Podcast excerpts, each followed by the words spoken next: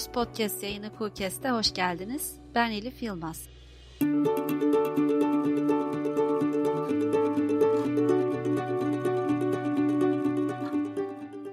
Kimileri için gündelik hayatın vazgeçilmez bir unsuru, kimileri için neşeye neşe katan ya da hüzne ortak olan bir araç. Öyle ya da böyle müzik insanlık tarihi kadar eski bir yoldaş.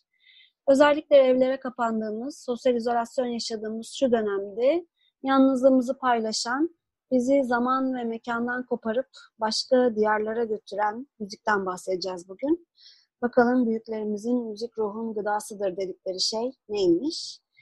Bugün Koç Üniversitesi Tıp Fakültesi Psikiyatri Anabilim Dalı'ndan Profesör Doktor Vedat Şar ve Koç Üniversitesi Kültür Sanat Etkinlikleri Koordinatörü, müzisyen ve ses araştırmacısı Oğuz Öner bizimle birlikte. Hoş geldiniz. Hoş bulduk. Hoş bulduk. Müzik insanlık tarihi kadar eski bir olgu dedik. Doğayı taklit etmek için insanların ürettiği bir yöntem. Bununla birlikte eski Yunan'da da müziğin e, canlıların hareketlerinin bir dışa vurumu olduğu düşünülürmüş.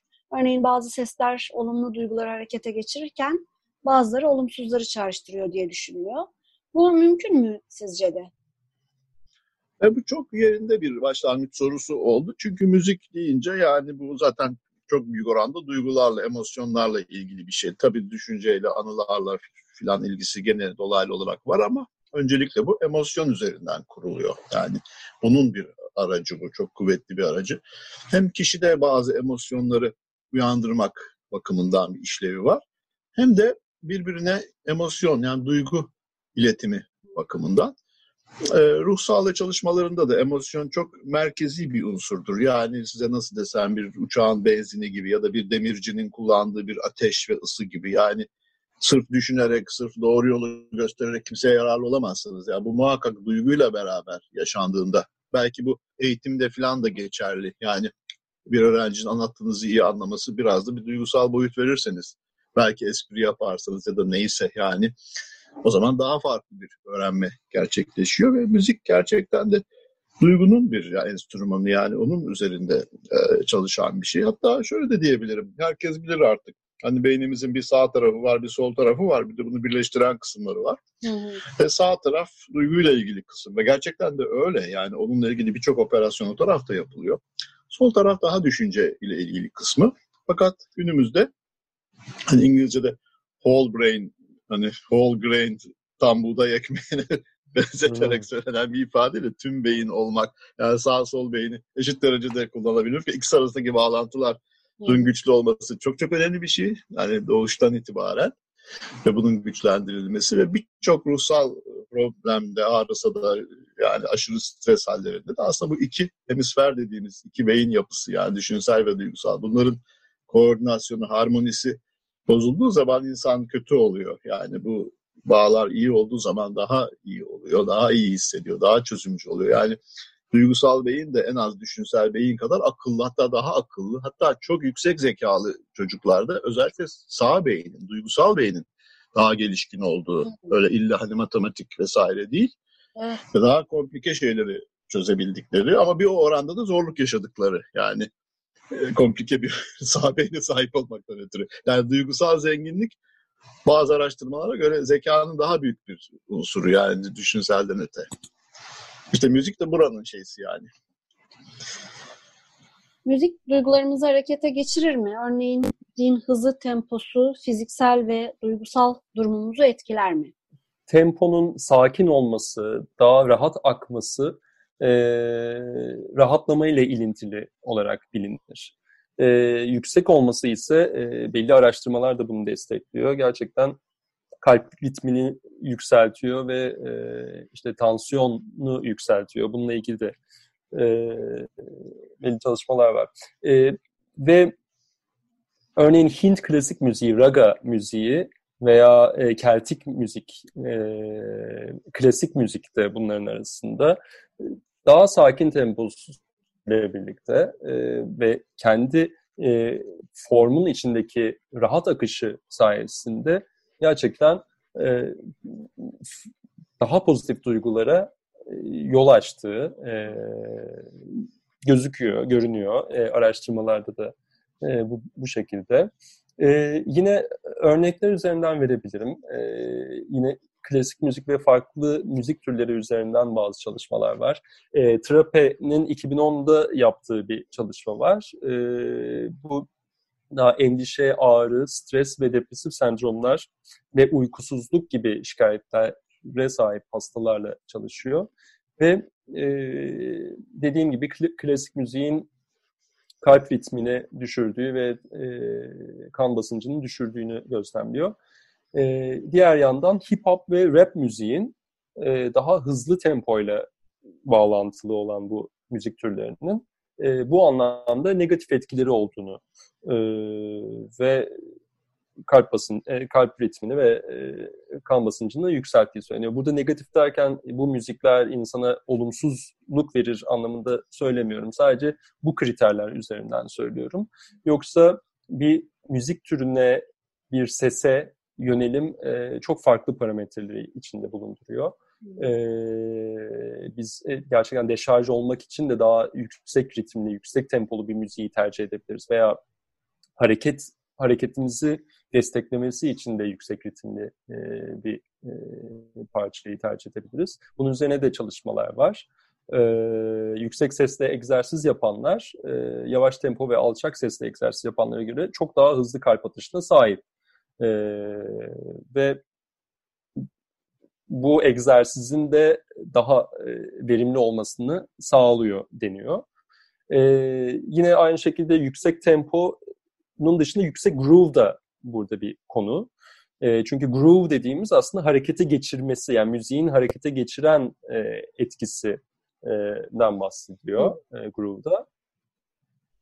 E, ve groove aslında bir zevk, keyif de veriyor. Yani bir haz da veriyor.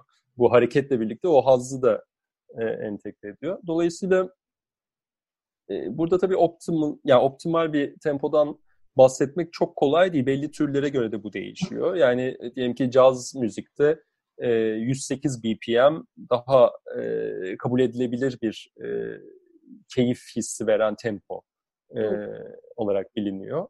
E, diğer yandan işte Mozart'ın kullandığı ve işte barok müzikte genel olarak kullanılan 60 BPM yani dakikada 60 vuruş e, yine Vedat hocamızın da söylediği gibi e, sol ve sağ e, beyni aktive ederek aralarındaki iletişimi güçlendirdiği e, biliniyor. Yani bunun üzerine de e, ciddi araştırmalar var. Dolayısıyla tempo, groove e, bu anlamda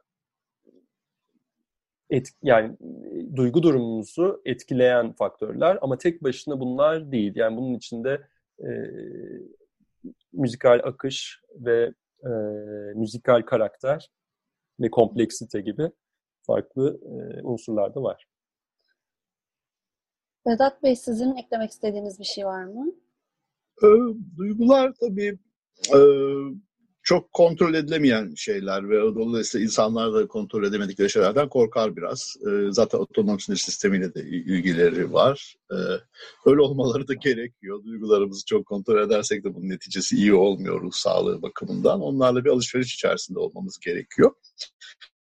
Biz buna duygu durum regülasyonu diyoruz. Yani bazen iyi, bazen kötü, bazen şöyle, bazen böyle hissetmek ve gündelik hayat içerisinde aslında küçük hareketlerle bunu biz dengeliyoruz. Çünkü insan organizması denge arıyor, homeostazis yani o kontrolü sağlamak, yönetebilmek. E bunu en basiti işte bir kahve içmekten tutun, bir birisine telefon etmek ya da dönük bir şeye bakmak, ufak tefek bir şey okumak ya da neyse çıkıp bir dolaşmak. Hepsi aslında yavaş yavaş bir yöne giden bir duygu durumu tekrar dengelemek, regüle etmek için yani farkında olmadan belki yüzlerce defa yaptığımız bir şey. Müzik tabii bunun çok güçlü araçlarından bir tanesi. Hadi bir de bir şey dinleyeyim dediğimiz zaman aslında bir regülasyon yapmış oluyoruz. Bu da organizmayı rahatlatıyor. Yani bir kontrol hissini geri getiriyor. Ve burada şu nokta da önemli. Dikkat edilirse müzik yani bir ses gibi basit bir uyaran üzerinden çalışıyor. Kulaktan giren bir şey, koku gibi beş duyudan bir tanesi. Fakat muazzam sonuçlara ulaşıyor. Emosyonu kullanarak yani onun dili emosyon. Tabii emosyon bütün sistemlere dağılıyor. Yani e, hem vücudumuzda bir titreşim gibi hissetmekten tutun bunu yani bünyede kaslarınızdaki bir gerginlik gibi basit bir şeyler ya da gevşeme gibi bu çok komplike, düşünsel, duygusal işte Oğuz Bey'in dediği gibi beynin iyi iki yarı küresini birbiriyle konuşturacak kadar komplike yerlere kadar yani bir ordudaki en basit askerden genelkurmay başkanına kadar yayılan bir etki düşünün. Bunu yapabilen bir şey. E, bu trans hallerinde falan da böyledir. Yani bazı psikoterapi türlerinde mesela hipnozun, transın kullanılabilir ya da bazı hani ilkel diye bilinen kabilelerde yani işte davullara vurarak yapılan danslarla vesaire bir takım şeyler elde edilmesi. E, bunlar hep o bizim için büyüleyici olan yani en primitif yanıyla organizmanın. Çünkü organizma bazen insanın en primitif yanıyla yıkar ya da yapar önemi büyüktür. Yani ilkel deyip geçmemek gerekir. Bazen de en komplike yanının yanlış çalışması insanı perişan eder. Bunların işbirliği yani genel kurul başkanı ile er arasındaki iletişim bunu emosyonlar sağlıyor ve o zaman organizma doğru çalışıyor. Peki bu keyif almak dediğimiz şey nedir? Yani dopamin mi salgılıyoruz biz bu Hani bir, bir, Elbette. bir müziği duyduğumuz zaman. Şimdi nörotransmitterler vücuttaki haberleşme sisteminin parçası. Kimyasal Hı. unsurlar onlar. Bir de elektriksel unsurlar var. Bunların işbirliği, bunların birbirine tercümeleri oluyor. Haberleşiyorlar. Bir haberleşme sistemi söz konusu. Hı. Dopamin bu zevk alma unsurunda rolü olan bir transmitter. Buna karşılık işte adrenalin, noradrenalin burada daha çok bir hareketlilik getiren heyecan vesaire. İşte serotonin daha mutluluk getiren. Bunlar e, muhtemelen bestecilerde de rol oynuyor. Sırf dinleyicilerde değil. Evet. Yani bunların harekete geçmesiyle de tabii yaşanan duygu hali e, bir takım eserler ortaya çıkartabiliyor. Beni şu da çok düşündürmüş ve şaşırtmıştır. Yani bu besteciler kendileri de kendilerine şaşırabiliyor. Röportajlar izlediğimde görüyorum bunu. Yani o gün şöyle bir ruh halim vardı ve şöyle bir eser çıktı. Ve bakıyorsunuz o kişinin hayatındaki en büyük eser o. Bir daha da yapamıyor öyle bir şey. ya da Rodrigo'nun gitar konçertosu tamam yani hı hı. başka besteleri de var ama öylesi yok yani o yapmış ve bitirmiş. Ya bu nasıl bir şey? Ve binlerce kere dinleyebiliyorsunuz. Gene sıkılmıyorsunuz ve bunu yaparken ki ruh hali işte orada dopaminin, serotoninin vesaire yeri bu organizma bunu nasıl çıkartıyor? E orada bir zevk unsuru olmasa bunu yapamaz herhalde. Bir, bir de yani şimdi müzik icracısı tarafından baktığımda ya bir kişi gerçekten çok sıkışık duygular içinde olabilir ve çok e, rahatsız hissedebilir ve o dönemde e, konsantre bir şekilde bir müzik üretimine girdiği zaman e, dediğiniz gibi çok çok büyük, çok başka şeyler çıkabilir. O bir e, yani tabii ki müzik bir dil. Yani hani e, insanlarla iletişim kurarken sözlere dökemediğimiz e, ya da belki yazamadığımız bile bazı şeyleri e, müzik icracıları e, notalar notalarla, seslerle, dokularla ortaya çıkarabiliyor. O e, o sıkışık o, o sıkışık hal e, orada belki ilk defa çözümlenebiliyor ve o çözümlendikten sonra da e, o e, işitsel dokuyla karşılaşması, yüzleşmesi aslında bir anlamda da e, içi, yani içindeki e, o yükü dışarı çıkararak e, şifalanması olarak bakıyorum ben bu sürece. E, yani müzikal üretim sürecinin e, sürecinde insanın yani bestecinin kendi kendisini şifalandırması ve bunun üzerine de belki etrafını bunu dinleyenleri şifalandırması gibi bir e, deneyimsel bir açıklamam olabilir. Bu anlamda bu bir tabii ki kanıt üzerine bir çalışma değil. E, ama kendi yani ve de e, bunu dinlediğimde yani ondan sonra bunu ürettikten sonra kendim dinlediğimde gerçekten hani evet bir yandan o geçmiş hatıraları ve o anki hissi üretim sırasındaki hissimi hatırlıyorum ama onu çok daha iyi bir boyuta getirmiş e, olarak e, okuyorum o eseri.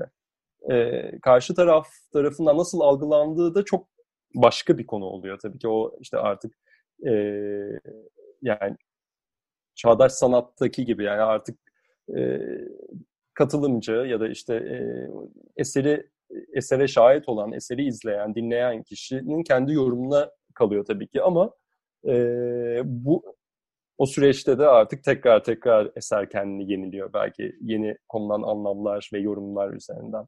Müzikle terapi diye bir şey gerçekten var mı? Ee, varsa nasıl bir şeydir ee, Vedat Hocam? Size yöneltelim önce. Evet, e, böyle bir konu var tabii. Bunun büyük bir geçmişi de var. Hatta bizim eski Osmanlı'da da bunun geleneği olduğu da söylenir, anlatılır. E, dünyada da öyle ve modern karşılığı da var bunun. Tıpta biz bu tür yardımcı yöntemleri bütünleyici tedaviler diyoruz. Yani esas tedavinin yerine geçmiyor ama gerek rehabilitasyon gerekse esas tedavi daha çok da tabii psikoterapi tarzı yaklaşımları kolaylaştıran yardımcı unsurlar. Bu nasıl oluyor? Müzik ne katkısı olabilir yani ruhsal bir tedaviye? Ee, tabii ki büyük ağır hastalıkları ortadan kaldıracak yöntemler değil bunlar. Bazıları ilaç tedavisi dahi gerektirebiliyor. Ee, fakat ağır ya da hafif bütün ruhsal bozukluklarda gördüğümüz bir şey var ki iletişim aksıyor. Şu veya bu nedenle biyolojik ya da psikolojik ya da bilmediğimiz e, bir takım mekanizmalarla kişi hem dış dünya ile iletişiminde yeterli olamıyor ya karşı tarafı yeterince anlayamıyor duygusal olarak, düşünsel olarak, davranışsal olarak ya da kendini anlayamıyor e, ya da kendisi anlaşılamıyor ve hatta bazen de kişinin kendisiyle diyaloğu az oluyor. Yani kendi duygularından, düşüncelerinden yeterli haberi alamıyor, aldığını sanıyor belki. Dolayısıyla e, psikoterapetik çalışmalarda esas teşhis, hastalık, bozukluk e, ya da danışılan konu ne olursa olsun yani iletişim üzerine çalışmak, iyi bir iletişim kurmak yani bize gelen kişiye de zaten bizim işimiz ve önem verdiğimiz bir şey. Bu bile kendi başına birçok getirileri olabiliyor. İletişimin kolaylaştırılması, fasilite edilmesi. İşte müzik bunun araçlarından biri olabiliyor. Çünkü hem kişiyi kendi iç dünyası, duygularıyla, düşünceleriyle, anılarıyla çok güzel yüzleştirebiliyor. Bu aslında bütün sanat dallarında var. Bu mesela sinemada da çok kuvvetli olarak var ki zaten müzikten çok yararlanıyor. Yani film müziği diye bir şey var. Bunsuz olmuyor. Ee, yani bu iç iletişimi artırıp zihinsel içeriği zenginleştirdiği gibi aynı zamanda dış dünya için de bir iletişimsel tarafı var. Yani mesela insanlarla birlikte dinlenen müzikler var.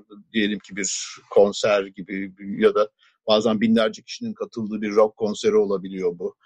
Çok kuvvetli emosyonların, anıların, düşüncelerin hatta giderek bu bir insanın kimliğiyle bile ilgili olabiliyor. Yani dinlenilen müzik ya da paylaşılan başka insanlarla olan müzik sevki vesaire.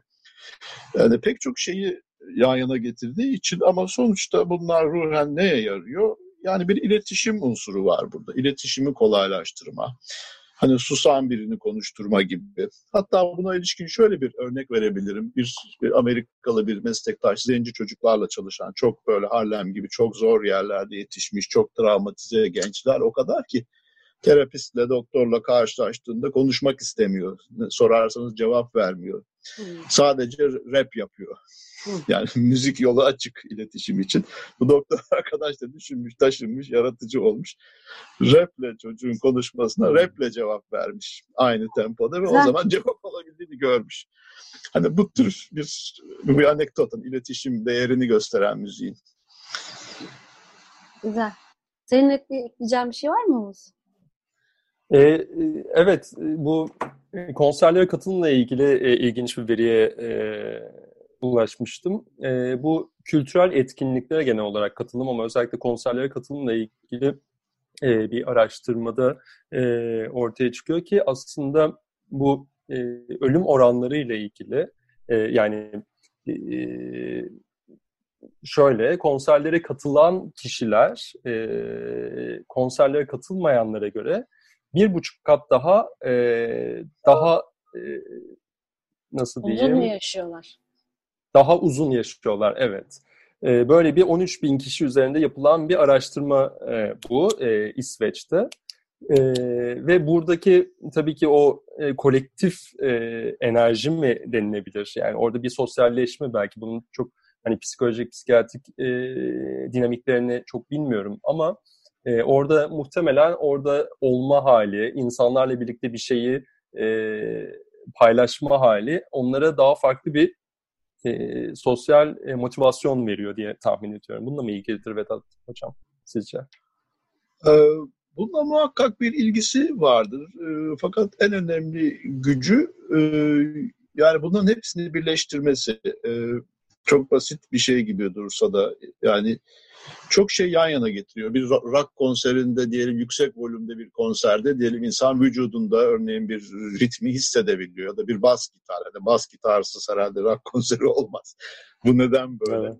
Yani bir me meşhur ke keman sanatçısı Andre Rio çok da popüler, başarılı bir müzisyen. Onun bir röportajında duymuştum. O vals konusunda çok düşkün, çok romantik bir adam.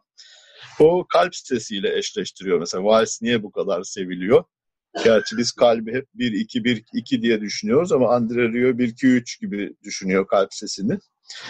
Ee, bu pek çok geri geri gidiyor. Yani insan karnında bile insan 9 ay 10 gün annesinin kalp sesini dinliyor filan. Yani ve hatta öyle Doğru. çalışmalar da var. Üçüncü trimestrede yani gebeliğin son üç ayında kesinlikle bebekler müziği duyuyorlar. Yani daha sonra yapılan testlerde bir ayırt etme olduğu, bir hatırlamanın olduğu bir şekilde ortaya çıkıyor. Ben de öyle bir çalışma okudum.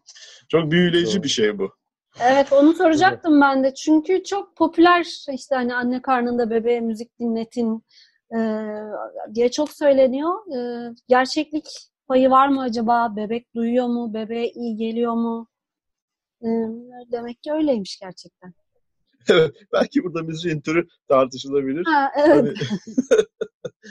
Ee, tabii orada da paradokslar var. İlla yani sert müzik kötü gelir, yumuşak müzik iyi gelir diye bir şey de yok. Bazı araştırmalar çok değişik şeyler de verebiliyor. Tekrar da sorular geldiğinde o konulara döneriz. Ama bir şekilde bebeklerin duyduğuna ilişkin yani son üç ayda öyle şeyler var. Evet hatta elektrik süpürgesi veya saç kurutma makinesi sesine de tepki verdikleri söyleniyor.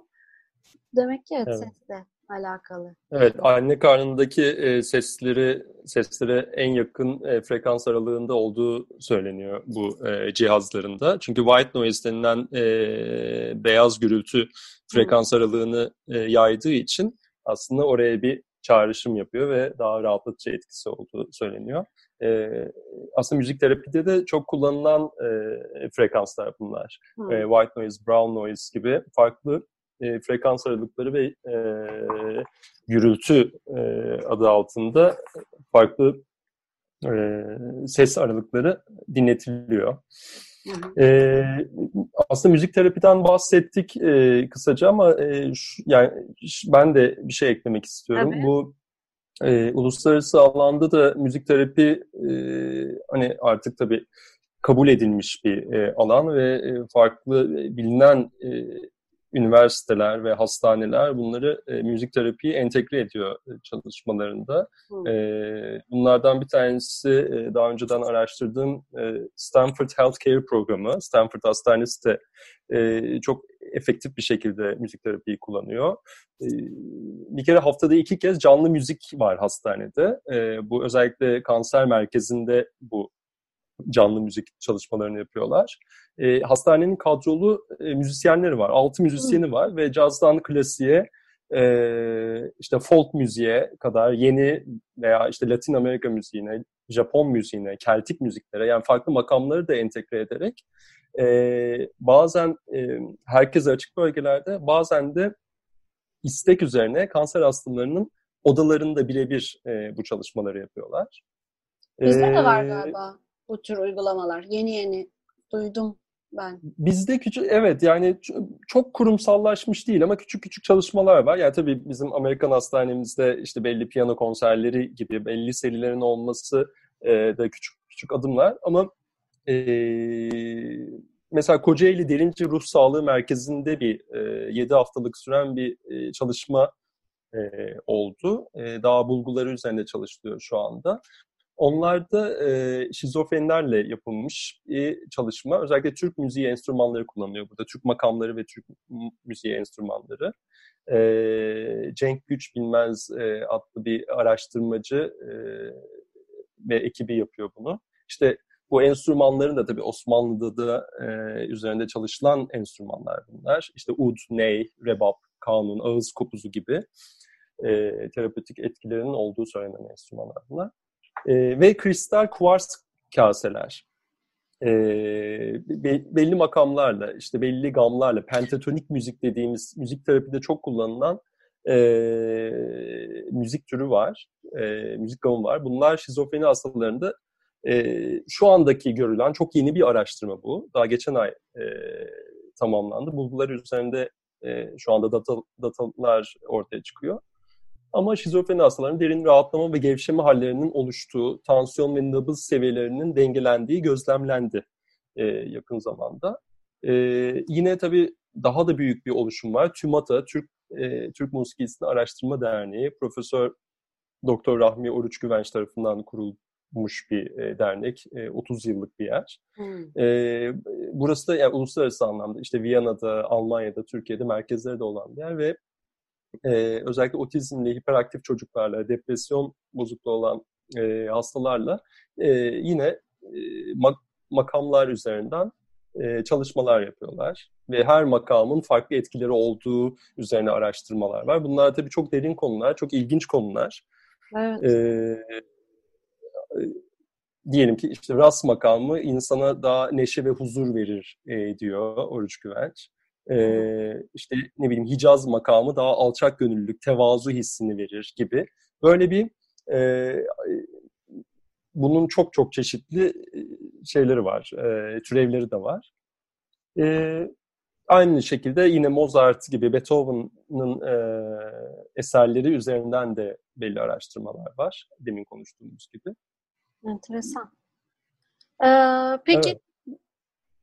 Ee, var mı sizin söylemek istediğiniz bir şey Vedat Bey yoksa başka? Ee, bu konu tabii teknoloji gelişmesiyle yeni yeni ayakları da ortaya çıkıyor. Bazı fizyoloji bilgilerinden esinlenerek. Biz belki Oğuz Bey daha yakından bilecektir. Teknik olarak ben detayını bilmiyorum ama bazı müzikleri filtreden geçirerek belirli etkileri sağlayacak hale getiren çalışmalar var. Strese karşı yani kişiyi daha e, agresif ve insanlardan kopan değil de daha pozitif polivagal hı teori adı altında geçen bir konu ve bunu yapan araştırmacı ilginçtir. Çocuk kalp seslerinden yani jinekologlarla çalışırken kadın doğum e, şey doğum süreçlerinde oradan işe başlayarak bugünlere gelmiş bir kişi, kıdemli bir fizyoloji hocası bu teoriyi kuran.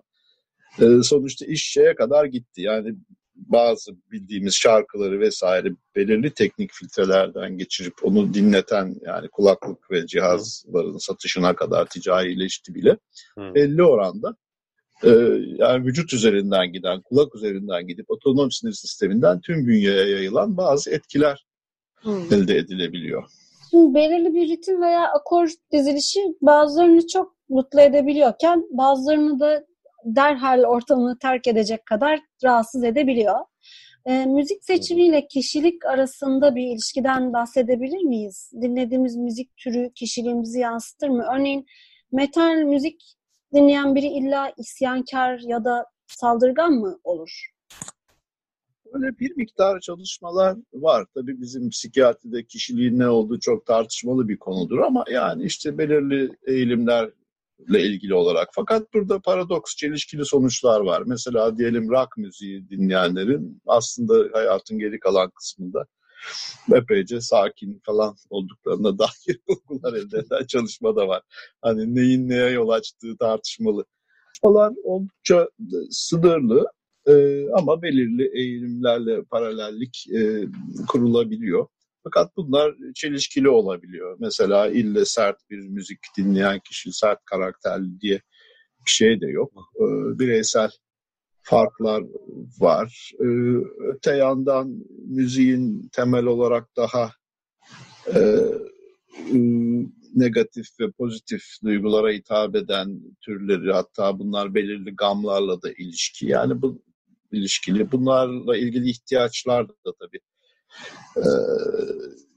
seçimi belirliyor. Çünkü şöyle ki insanın ruh hali hani kişiliği ne olursa olsun aynı da kalmıyor. Yani emosyonlar oldukça değişken. Hani buna Türkçe'de ruh halleri diyebiliriz. Hatta bunların regülasyonu diye bir şey var. Biz bunu yaptığımızın farkında değiliz ama diyelim bir duygu durumumuzu dengelemek istediğimizde gidip basitçe bir kahve içebiliyoruz, birine telefon edebiliyoruz, bulunduğumuz yeri değiştirebiliyoruz. Bunun gibi yaptığımız hareketler var. Hep denge arayışı. Ee, müzik bunlardan bir tanesi. Yani belirli bir duygu durumunu sürdürmek ya da gidermek, dengelemek istediğimizde yönelebiliyoruz. Bu biraz değişme de gösterebiliyor. Yani bir regülasyon tarafı var. Dolayısıyla kişiliklerine birebir ilintili değil ama daha çok bizim ruh hallerimizde bir bağlantısı var. Var mı senin buna eklemek istediğin bir şey? Kişilik ee, Evet, biraz belki yine e, biraz araştırmalardan ben de bahsedebilirim. Ee, burada e, evet birebir e, direkt bir ilişki e, her zaman kuramayabiliriz belki ama belli e, yani kişilik ve müzik üzerinden belli parametreleri kullanarak yapılan araştırmalar da denk geldim ben de. Daha yeni bir araştırma var. Thomas Schopper'in yaptığı bir araştırma. Orada deneyime açıklık yani kişilik özelliği olarak deneyime açıklıkla ilgili bir müzik yani müzik tercihiyle deneyime açıklıkla bir ilişki kurulmuş ve orada e, deneyimi açık kişilerin daha kompleks ve e, yeni tür müzikleri, yeni e, oluşum, ya melodik oluşumları ve ritmik oluşumları e, daha çok sevdiği e, ortaya çıkmış. Burada işte caz ve eklektik müzik gibi veya daha e, yoğun ve e, isyankar müzik gibi. Yani burada isyankar müziği e, ill, illaki de hani saldırgan anlamında e, hani kişilik özelliği olarak belki kullanmak doğru olmayabilir ama dediğim gibi yani deneyime açıklık e, belki burada e, e, parametrelerden bir tanesi olabiliyor. E, bunun gibi başka parametreler üzerinde de çalışmalar yapılıyor. E, yine işte daha mesela agreeable kişiler, yumuşak başlı kişilerin daha hareketli, neşeli müzik ve alışılmış tonları daha çok tercih ettiği, işte daha önce dinlemedikleri müziğe daha yoğun ve duygusal tepkiler verdikleri gibi araştırmalarda var. Ee, evet bunlar da Vedat Hocam'ın söylediği gibi sınırlı araştırmalar. Ee, üzerinde çalışılan e, konular. Ee, sadece kişilik özelliği değil belki. Yani bunun dışında e, muhtemelen yaş da burada çok önemli bir e, etken. İşte ne bileyim ergenlik dönemi tercihlerimiz bizim daha farklı olabiliyor şimdiki işte evet. daha ileri yaşlardaki tercihlere göre. E, veya mevsimsel tercihler bile önemli olabiliyor. Yani yazın daha upbeat, daha e, neşeli sesleri tercih edebiliyoruz daha çok. İşte kışın daha e, belki kompleks, daha e, daha içe yönelen müzik türlerini tercih edebiliyoruz. Tabii pop müzik bunun biraz dışında kalıyor. Yani pop müzik her zaman e, bir şekilde e, tercih edilebilen bir müzik oluyor çoğunluk tarafından. Ama e, bu tür e, eğilimlerde olabiliyor. Aslında e, belki buradan müzik kültür ilişkisine e, geçebiliriz. Kültürel olarak da herhalde bir kişinin müzik zevkinin belirlenmesi mümkün görünüyor bana. Ee, öyle midir? Müzik kültürü ya da kültür müzik zevkini hı hı. etkiliyor mudur? Yani bunu iki şekilde anlayabiliriz. Hem müzik kültüründen kasıt tabii eğitimsel bir değeri var. Bir insan en erken yaşta bir şeyle karşılaştığında örneklerini gördüyse, örneğin çok küçük yaşta arabanın koltuğuna oturan bir çocuk zamanla iyi bir şoför olma ihtimali çok daha yüksek. Yani çok alışkın geliyor ona. Ee, dolayısıyla böyle şeyler çok var. Hatta nispeten komplike yaratıcı müzikleri erken yaşta çocuklara dinletmek acaba beyni geliştirir mi falan gibiye kadar yani müzik kültürünün oluşumu. Öte yandan bir de kökenimizin olduğu kültürel çevre.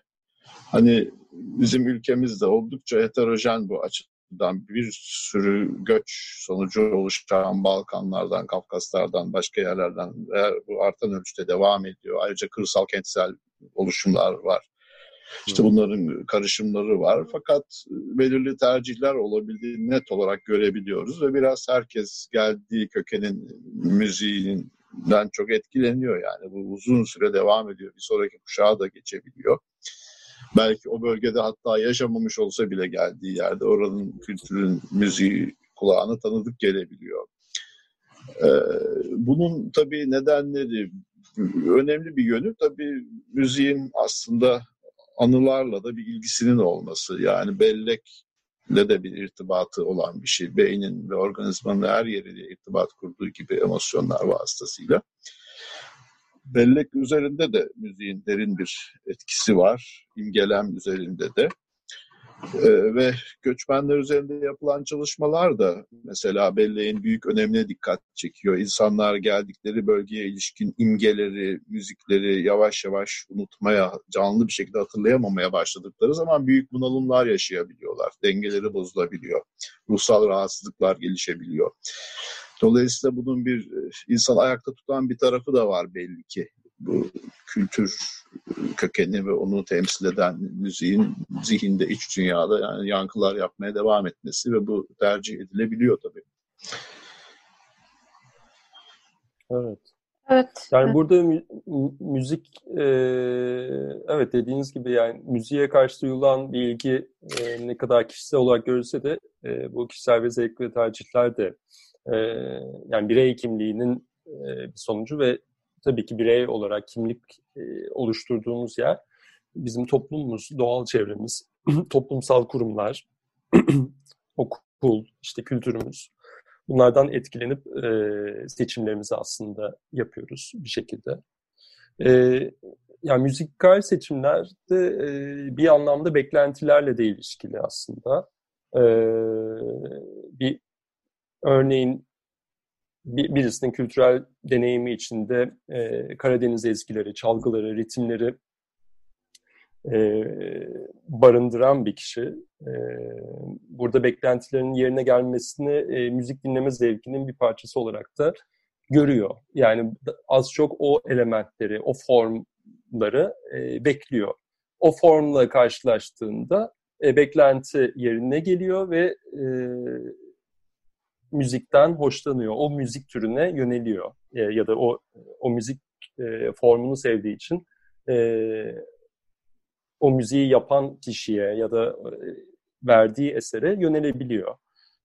Ama diyelim ki e, kemençeyi daha çok seviyor ama aynı parça kemençe yerine bağlamayla çalınıyor. E, o zaman bu kişinin, aynı kişinin beklentisi doyumsuzlukla da sonuçlanabiliyor. Dolayısıyla burada e, yüklediği anlam e, ve beklenti, e, bağlam çok önemli oluyor müzikal tercihlerde de.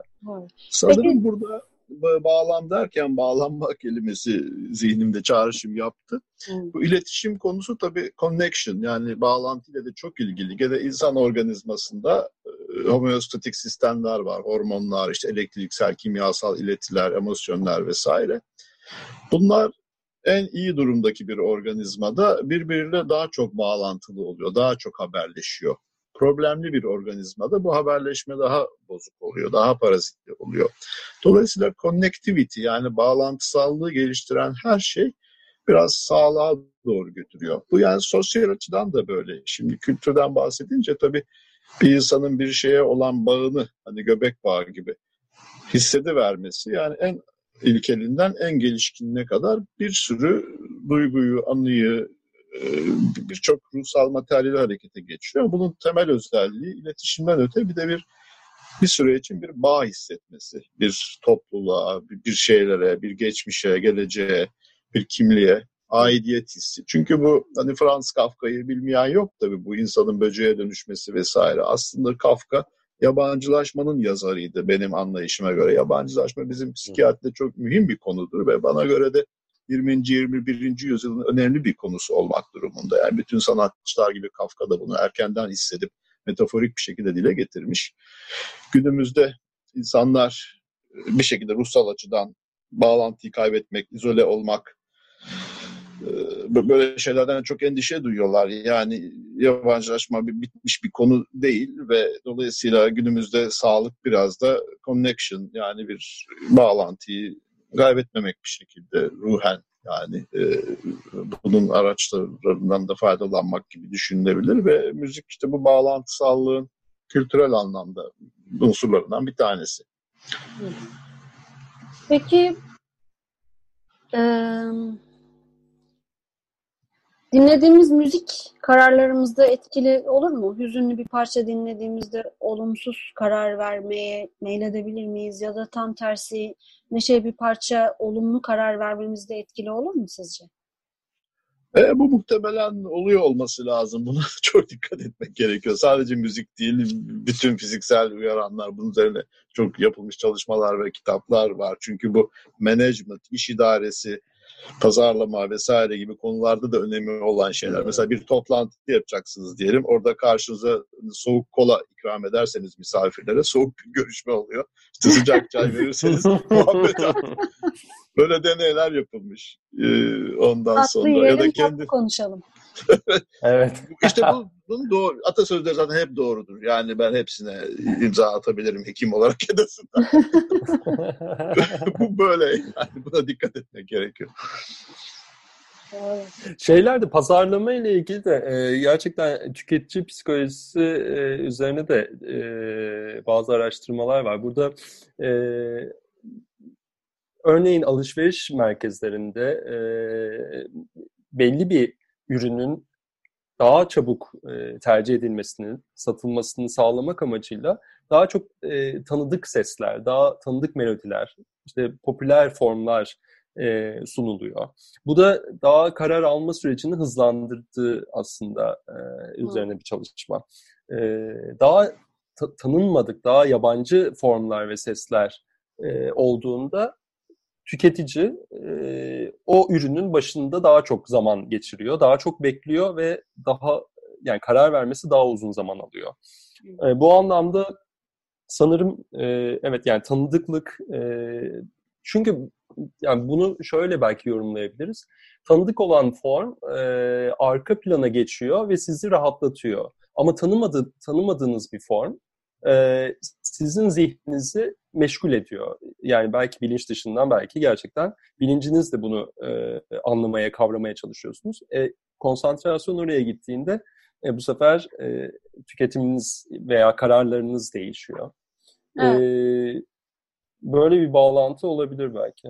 Evet, çok basit bir çalışmaya da rast geldim. Yani Fransız müziği çaldığı zaman aynı reyonda Fransız şarabının daha çok satılması ya da İtalyan müziği çalınırsa İtalyan şarabı. Yani bu da böyle çıkıyormuş yani bir çalışmaya göre.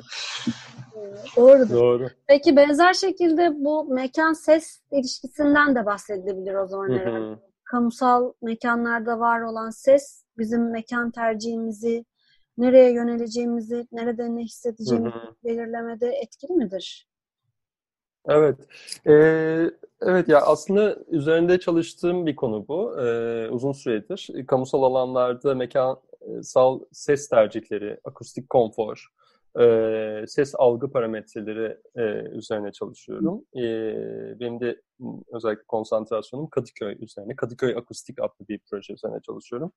E, burada e, ses peyzajı denilen bir kavramdan söz edilebilir. Psikocoğrafya e, alanının bir e, alt kavramı bu aslında. Psikocoğrafya zaten coğrafyanın psikolojisi. Mekanın nasıl hissettirdiği, e, bunun içine işitsel katmanlar da giriyor, işitsel algı parametreleri de giriyor.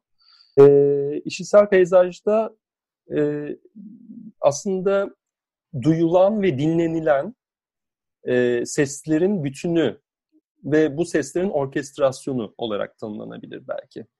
Ee, Kanadalı e, düşünür ve e, müzikolog e, Murray Schaffer tarafından ortaya atılmış bir kavram bu. E, bu sesleri aslında e, dinlerken e, bir şekilde sesleri orkestre ediyoruz. Yani bir şef gibi dinlemeye açtığımızda, sadece duymanın ötesinde dinlemeye açtığımızda e, bu sesleri e, bir şekilde kompoze ediyoruz ve ona göre de e, o mekanın e, algısı e, yani o mekanın hissiyatı bizde farklı şekilde e, tınlıyor, e, titreşiyor diyebilirim. E, e, tabii ki mekanların, özellikle kamusal mekanların çok farklı katman katman e, ses örtüleri, örüntüleri var.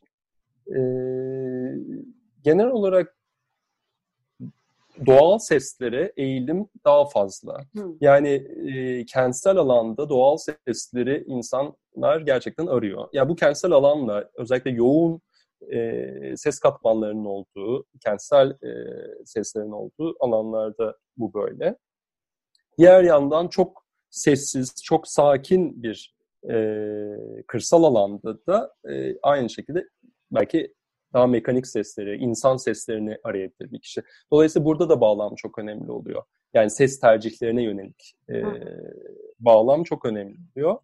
E, bir, bir de sembol sesler diye bir şey var. Tabii bu konu da çok büyük bir konu ama e, kamusal alanda belli sembol sesler var. Diyelim ki e, işte bir, bir meydandaki kilisenin çanının sesi bir sembol ses haline gelebiliyor. Çünkü işte e, yıllarca e, belli hatıralarla ilişkiye geçmiş bir ses oluyor ve o mekanı o mekanı yapan e, bir unsur oluyor o ses. Kadıköy'de de aynı şekilde e, vapur düdüğü, işte martı sesleri, işte devlet konservatuarının e, sesleri, oradan gelen opera, keman sesleri, çiçekçilerin sesi, sokak satıcıları ve bu sesler aslında katman katman üst üste belli bir tekstür, e, yani kom, kompozisyon ve tekstür oluşturuyor.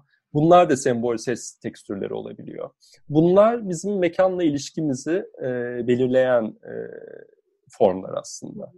E, ama belli noktalarda e, bu kompozit yapılardan e, rahatsız oluyorsak o zaman o mekanı aslında çok da tercih etmiyoruz.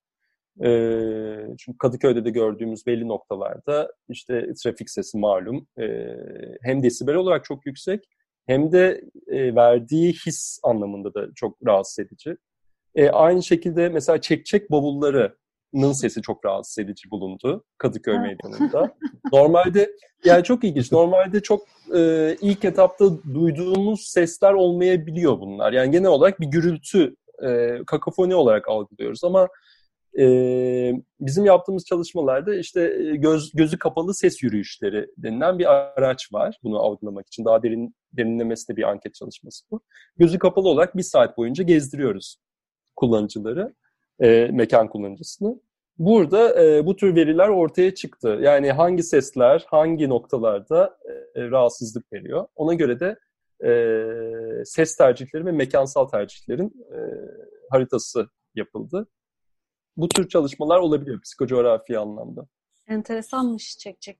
Toplumda bu bilincin yükseltilmesi, ses peyzajı benim çok ilgimi çekti. Yani çok çok önemli bir konu. Yeterince belki bilmediğimiz ama yöneticilerin, evet. yani belediyelerin ya da bu işlere karışan kişilerin yani bizi daha mutlu bir hayatımız olması için ben sese hassas bir kişiyim ve evet yani bunlar çok önemli. Bazı yerlere gitmek istemiyor insan. Evet. Ama bu da nedir?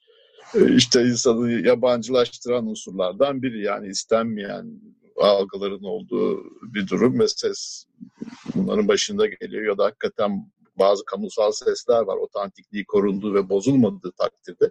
Bu benim aklıma biraz da restorasyonu getiriyor. Belki Oğuz Bey'de de çağrışımlar yapacaktır. Mesela bir şimdi günümüzde çok eleştiri konusu oluyor Türkiye'de. Restorasyon çalışmaları oldukça hızlı gidiyor ve bazen eskiyi anımsatan hani biraz daha böyle kirli görünümlü yapıların çok pırıl pırıl yapılması bazen insana çok itici evet. gelebiliyor. Sesler de biraz öyle. Hem otantik olmalı orayı temsil eden ama çok abartılırsa da çığırından çıkabiliyor. Ama insan arıyor o otantikliği tabii. Hani vapur düdüğü ya da martı meselesi gibi. Evet, evet. Yani seste tabii işitsel peyzaj alanında restorasyon e, yaklaşımı henüz olan bir şey değil. Yani genelde e, yakıp yıkıp yeniden yapma yaklaşımı var burada. Yani eski tarihsel anıt niteliğindeki bir sesi e, ya koruyabiliyorsunuz e, ya da değiştirebil yani tamamıyla yenisini yenisiyle değiştirebiliyorsunuz. E, burada tabii yani mesela vapur düdüğünün e, sesini Kadıköy'de e, hemen yanında yer alan e, deniz motorlarının anons sesleri e, yerini aldı. Yani desibel anlamında neredeyse iki kat daha yüksek e, ve kapladığı alan da e, çok daha geniş. E, dolayısıyla burada aslında e, önceliklendirme çok önemli. Yani biz neye önem veriyoruz?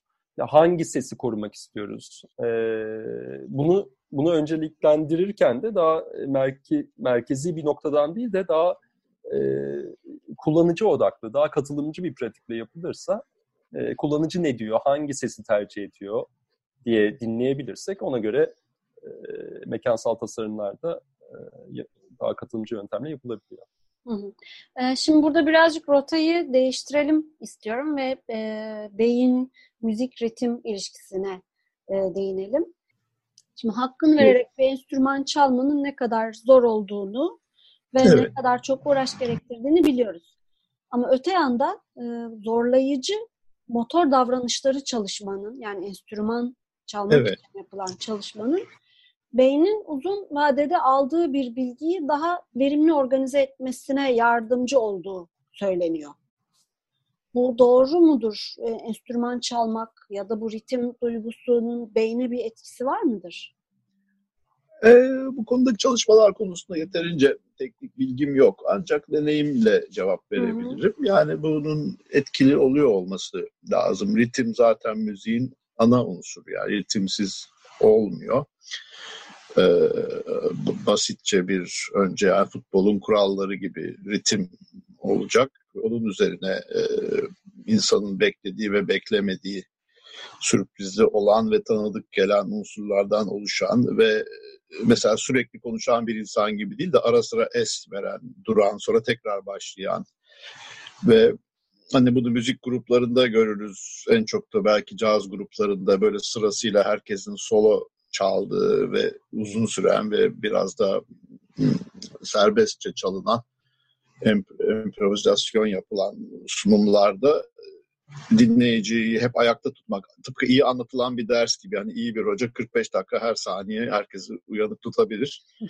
Bu istenen bir şeydir. Müzikte de o harmoni, işbirliği ve biri yorulunca ötekinin alması vesaire, ritim, bunun değişkenliği. Hatta öyle müzik türleri var ki ritim sürekli değişiyor falan. Yani çok komplike bir durum bu. Hmm. E, fakat demek ki insan böyle bir şeye açlık duyabiliyor. Tabii alışık olmak lazım. Bazı insana çok, bazı bünyeye çok gelebilir. E, tabii ki kişi kendi müzik yaptıysa yani bunun yaşı da yok hakikaten. Hatta rahmetli İsmet İnönü için söylenir bir yaştan sonra bir, galiba violonsel çalışmış falan yani. Ve eminim buna ihtiyaç duydu. Yani bir şey onu buna itti. Sırf hobi olsun diye değildir bu yani. Beyni uyanık tutmakla ilgili evet, bir şey oldu. Ee, muhakkak ki kendimin de öyle bir geçmişim var çocukluktan itibaren. Yani virtüöz olmasak da bir iki enstrümanı çalıyorsak yani bu çok büyük bir fark yaratıyor. Evet. Yani o hissi biliyoruz yani bu nasıl bir şey oldu. Tabii virtüözler kadarını yapamıyoruz ama bilmek bunu yani dinlemeyi ya da daha bir açıklık getiriyor. Evet. O da bir egzersiz kültürü herhalde belki beyindeki bir takım bilgileri işlemeye faydası oluyor olabilir. Yaratıcılığın şöyle bir tarafı var. Bir ara e, Lars von Trier'in filmiydi galiba Beş Engel diye e, bir yönetmene beş tane engel konuyor ve bir şeyler yapması isteniyor. Yaratıcılığı. O da onu başarmaya çalışıyor. Engeller arasında yani. Dolayısıyla müzik ve birçok sanatta da hem bir acılı taraf var karşınızda engeller var. Belirli kurallara uyacaksınız. Bunun dışına çıkarsanız saçmalık oluyor. Fakat onun içerisindeyken gene de hiçbir şey yapmanız gerekiyor. Yani o engel ve zorlayıcılığın işte hep o acı tarafı yani ama hiç, iyi şeyler hiçbir zaman kolay olmuyor. Yani böyle bir şey var. Evet. Evet. Bir de doğaçlama müzikten de belki çok az bahsedilebilir. Burada Tabii. E, doğaçlama müzikte e, ya onun da çok farklı dinamikleri var. E, ben kendim de e, yapmaya çalışıyorum. E, doğaçlama müziği icra ediyorum. E, orada da çok farklı engellerle karşılaşıyorsunuz müziği yaparken. Bir kere e, grup içinde yapıyorsanız e, doğaçlama müziği e, bir kere e, enstrümanınıza hakim olmanız lazım. E, teknik anlamda zaten bilginiz olacak. Yani zihniniz devrede bir yanıyla olacak ama bir yanıyla da e, bir kere çok iyi dinleyici olmayı gerektiriyor. Aynı anda hem bilgiyi icra ediyorsunuz hem de karşı tarafı dinliyorsunuz, kendinizi dinliyorsunuz ve e, bir yandan da risk almanız gerekiyor. Çünkü yani doğaçlama bir risk aslında ve e, o e, stres seviyesini yükselten bir risk alma hareketi o. E, dolayısıyla e, burada çok ciddi bir adaptasyon da söz konusu e, gördüğüm kadarıyla. Yani siz adapte olacaksınız o gruba e, ve o sırada sadece o anda ortaya çıkan bir e, müzikal element ve form üzerinden e, ritim değiştiğinde hemen form e, ritmi değiştireceksiniz. Enstrümanınız, hmm. çaldığınız enstrüman onların çaldığı enstrümana uyum sağlayacak mı yeni çıkardığı sesle gibi e, çok kompleks bir süreç olduğunu düşünüyorum e, doğaçlama müziğin ve gerçekten e, belli bir nokta ya belli noktalarda öyle bir e, rahatlama ve e, tepe noktasına ulaştığımı hissediyorum ki hmm. e, gerçekten e, bütün e, grubun dinamiğinin e, frekansının böyle aynı yerde olduğunu e, yani bunu anlatması çok kolay değil ama e, tamamen aynı kelimeyi, aynı sesi aynı anda çıkarmak gibi. Yani o bir böyle bir bütünleşme hali gibi. Evet. Bunun bir sanırım ee, strüktürel bir tarafı da var. Sözünüzü kesmiş olmayayım. Bu evet, flow evet. Yo, yaşantısıyla belki ilgisi var. Yani kesintisiz akma. Mesela bazı müzik evet. türlerinde kişi kendi icra ederken de müziğin bir başını bir de sonunu hatırlıyor. Arada hani evet. trans demeyeyim ama öyle bir akış bu. Mesela bah çalarken falan ya da dinlerken de olabilir. Onda çok var evet. öyle bir şey. Sonsuzluk hissi veren. Ee, yani anı belki yaşıyorsunuz ama hemen bir sonraki ana geçiyorsunuz. Hemen bir sonraki. Bir önceki kayboluyor. Çünkü aksi halde müziği takip etmeniz mümkün değil. Bu bana çok ilginç gelmiştir bu akış. Evet. Bu peki evet. nöroplastisite dediğimiz şeyle de ilintili olabilir mi? Yani bu değişim becerisi, bu değişime hemen çok çabuk ayak uydurabilmek. Bu çünkü e, bu, bu doğaçlama müzik herkesin harcı değil anladığım kadarıyla. Hani çok iyi müzisyen olabilirsiniz ama doğaçlama konusunda çok e, yetenekli Hı-hı. olmayabilirsiniz. Belki Hı-hı. bir alakası vardır. Olabilir. Bunun çok ustaları var ve Oğuz Bey'in dediği gibi yalnız şu da dikkat çekiyor. Bütün bu doğaçlama ustalarının çok muazzam bir çalışma, teknik olarak olgunlaşma dönemleri oluyor. Yani takıntılı bir şekilde insanüstü bir çalışmayla yani teknik olarak olgunlaşıyorlar. Sonra bu safhaya geçebiliyorlar. Yani teknik beceriniz olmazsa da zor bu. O da tabii bir yerde nörobiyolojik de bir şey yani elinizin kolunuzun çalışması ve böyle zihinden işte parmağa doğru ya da neyse neyse çalıyorsanız. E, şimdi günümüzde YouTube gibi bir imkan var. Eski kayıtlar, eski büyük ustalar, bunları şefler olur ya da enstrüman çalan icracılar bunları izlemek mümkün oluyor. Bazıları belirli besteciler üzerine çok ustalaşmış. E, çok büyüleyici şeyler var, kayıtlar. Yani zaten bunlar artık biliniyor, belli kayıtlar gerçekten izlemeye değer. Bunların ne büyük bir olgunluğa nasıl böyle ulaştıkları yani çok çarpıcı bir şey. Bizim hazırladığımız sorular bu kadar. Ee, katıldığınız için çok teşekkür ediyoruz. Çok güzel ve bilgilendirici bir sohbet oldu. Sizin eklemek istediğiniz başka bir şey var mıdır? E, yaratıcılık e, benim psikolojiye çok önem verdiğim bir konu ve bizim kültürümüzde de yaratıcılığın çok daha fazla takdir görmesini, teşvik edilmesini isterim. Halkçada daha çok bilinmesini. Yani bunun ekonomiden psikolojiye, sosyolojiye bu toplumda çok gerekli bir şey oldu. Yani aynı şeyleri tekrar etmek değil. Hani malum ekonomik krizlerden çıkamıyoruz vesaire ama bundan çıkmanın yolu yaratıcılığın teşvik edilmesi aslında. Evet, doğru. Ve doğru. burada müzik, beste yani bunlar sıfırdan başlayarak yani müzik çok yaratıcılıkla ilgili bir şey. Oğuz Bey'in çok güzel ifade ettiği gibi demin yani şahıstan başlayarak e, en güzel örnekleri veriliyor yani aynı zamanda yaratıcılığı toplumda beslemek ve geliştirmenin bir e, kaynağı olabilir gibi duruyor. Evet, yani ben de son olarak e, yani bu e, bu süreçte tabii ki zor bir dönemden geçiyoruz. E, hala da devam edecek gibi gözüküyor, bilmiyoruz ama e, dinleme mekanizmalarımızı belki mümkün olduğunca e, çalıştırabilirsek, kendi içimizi dinleyerek e, biraz daha e, farklı açılımlara gelebileceğimizi, ulaşabileceğimizi düşünüyorum. Ondan sonra e, bu krizden de çıktığımızda etrafımızı daha iyi dinleyebildiğimiz, hem doğayı hem diğer insanları, toplumu daha iyi dinleyebildiğimiz e, bir e, alan açılacak diye düşünüyorum. E, nacizane Tavsiyem bu olabilir. İçimizi dinleyelim bu dönemde mümkün olduğunca. Peki katıldığınız için çok teşekkür ederiz tekrar.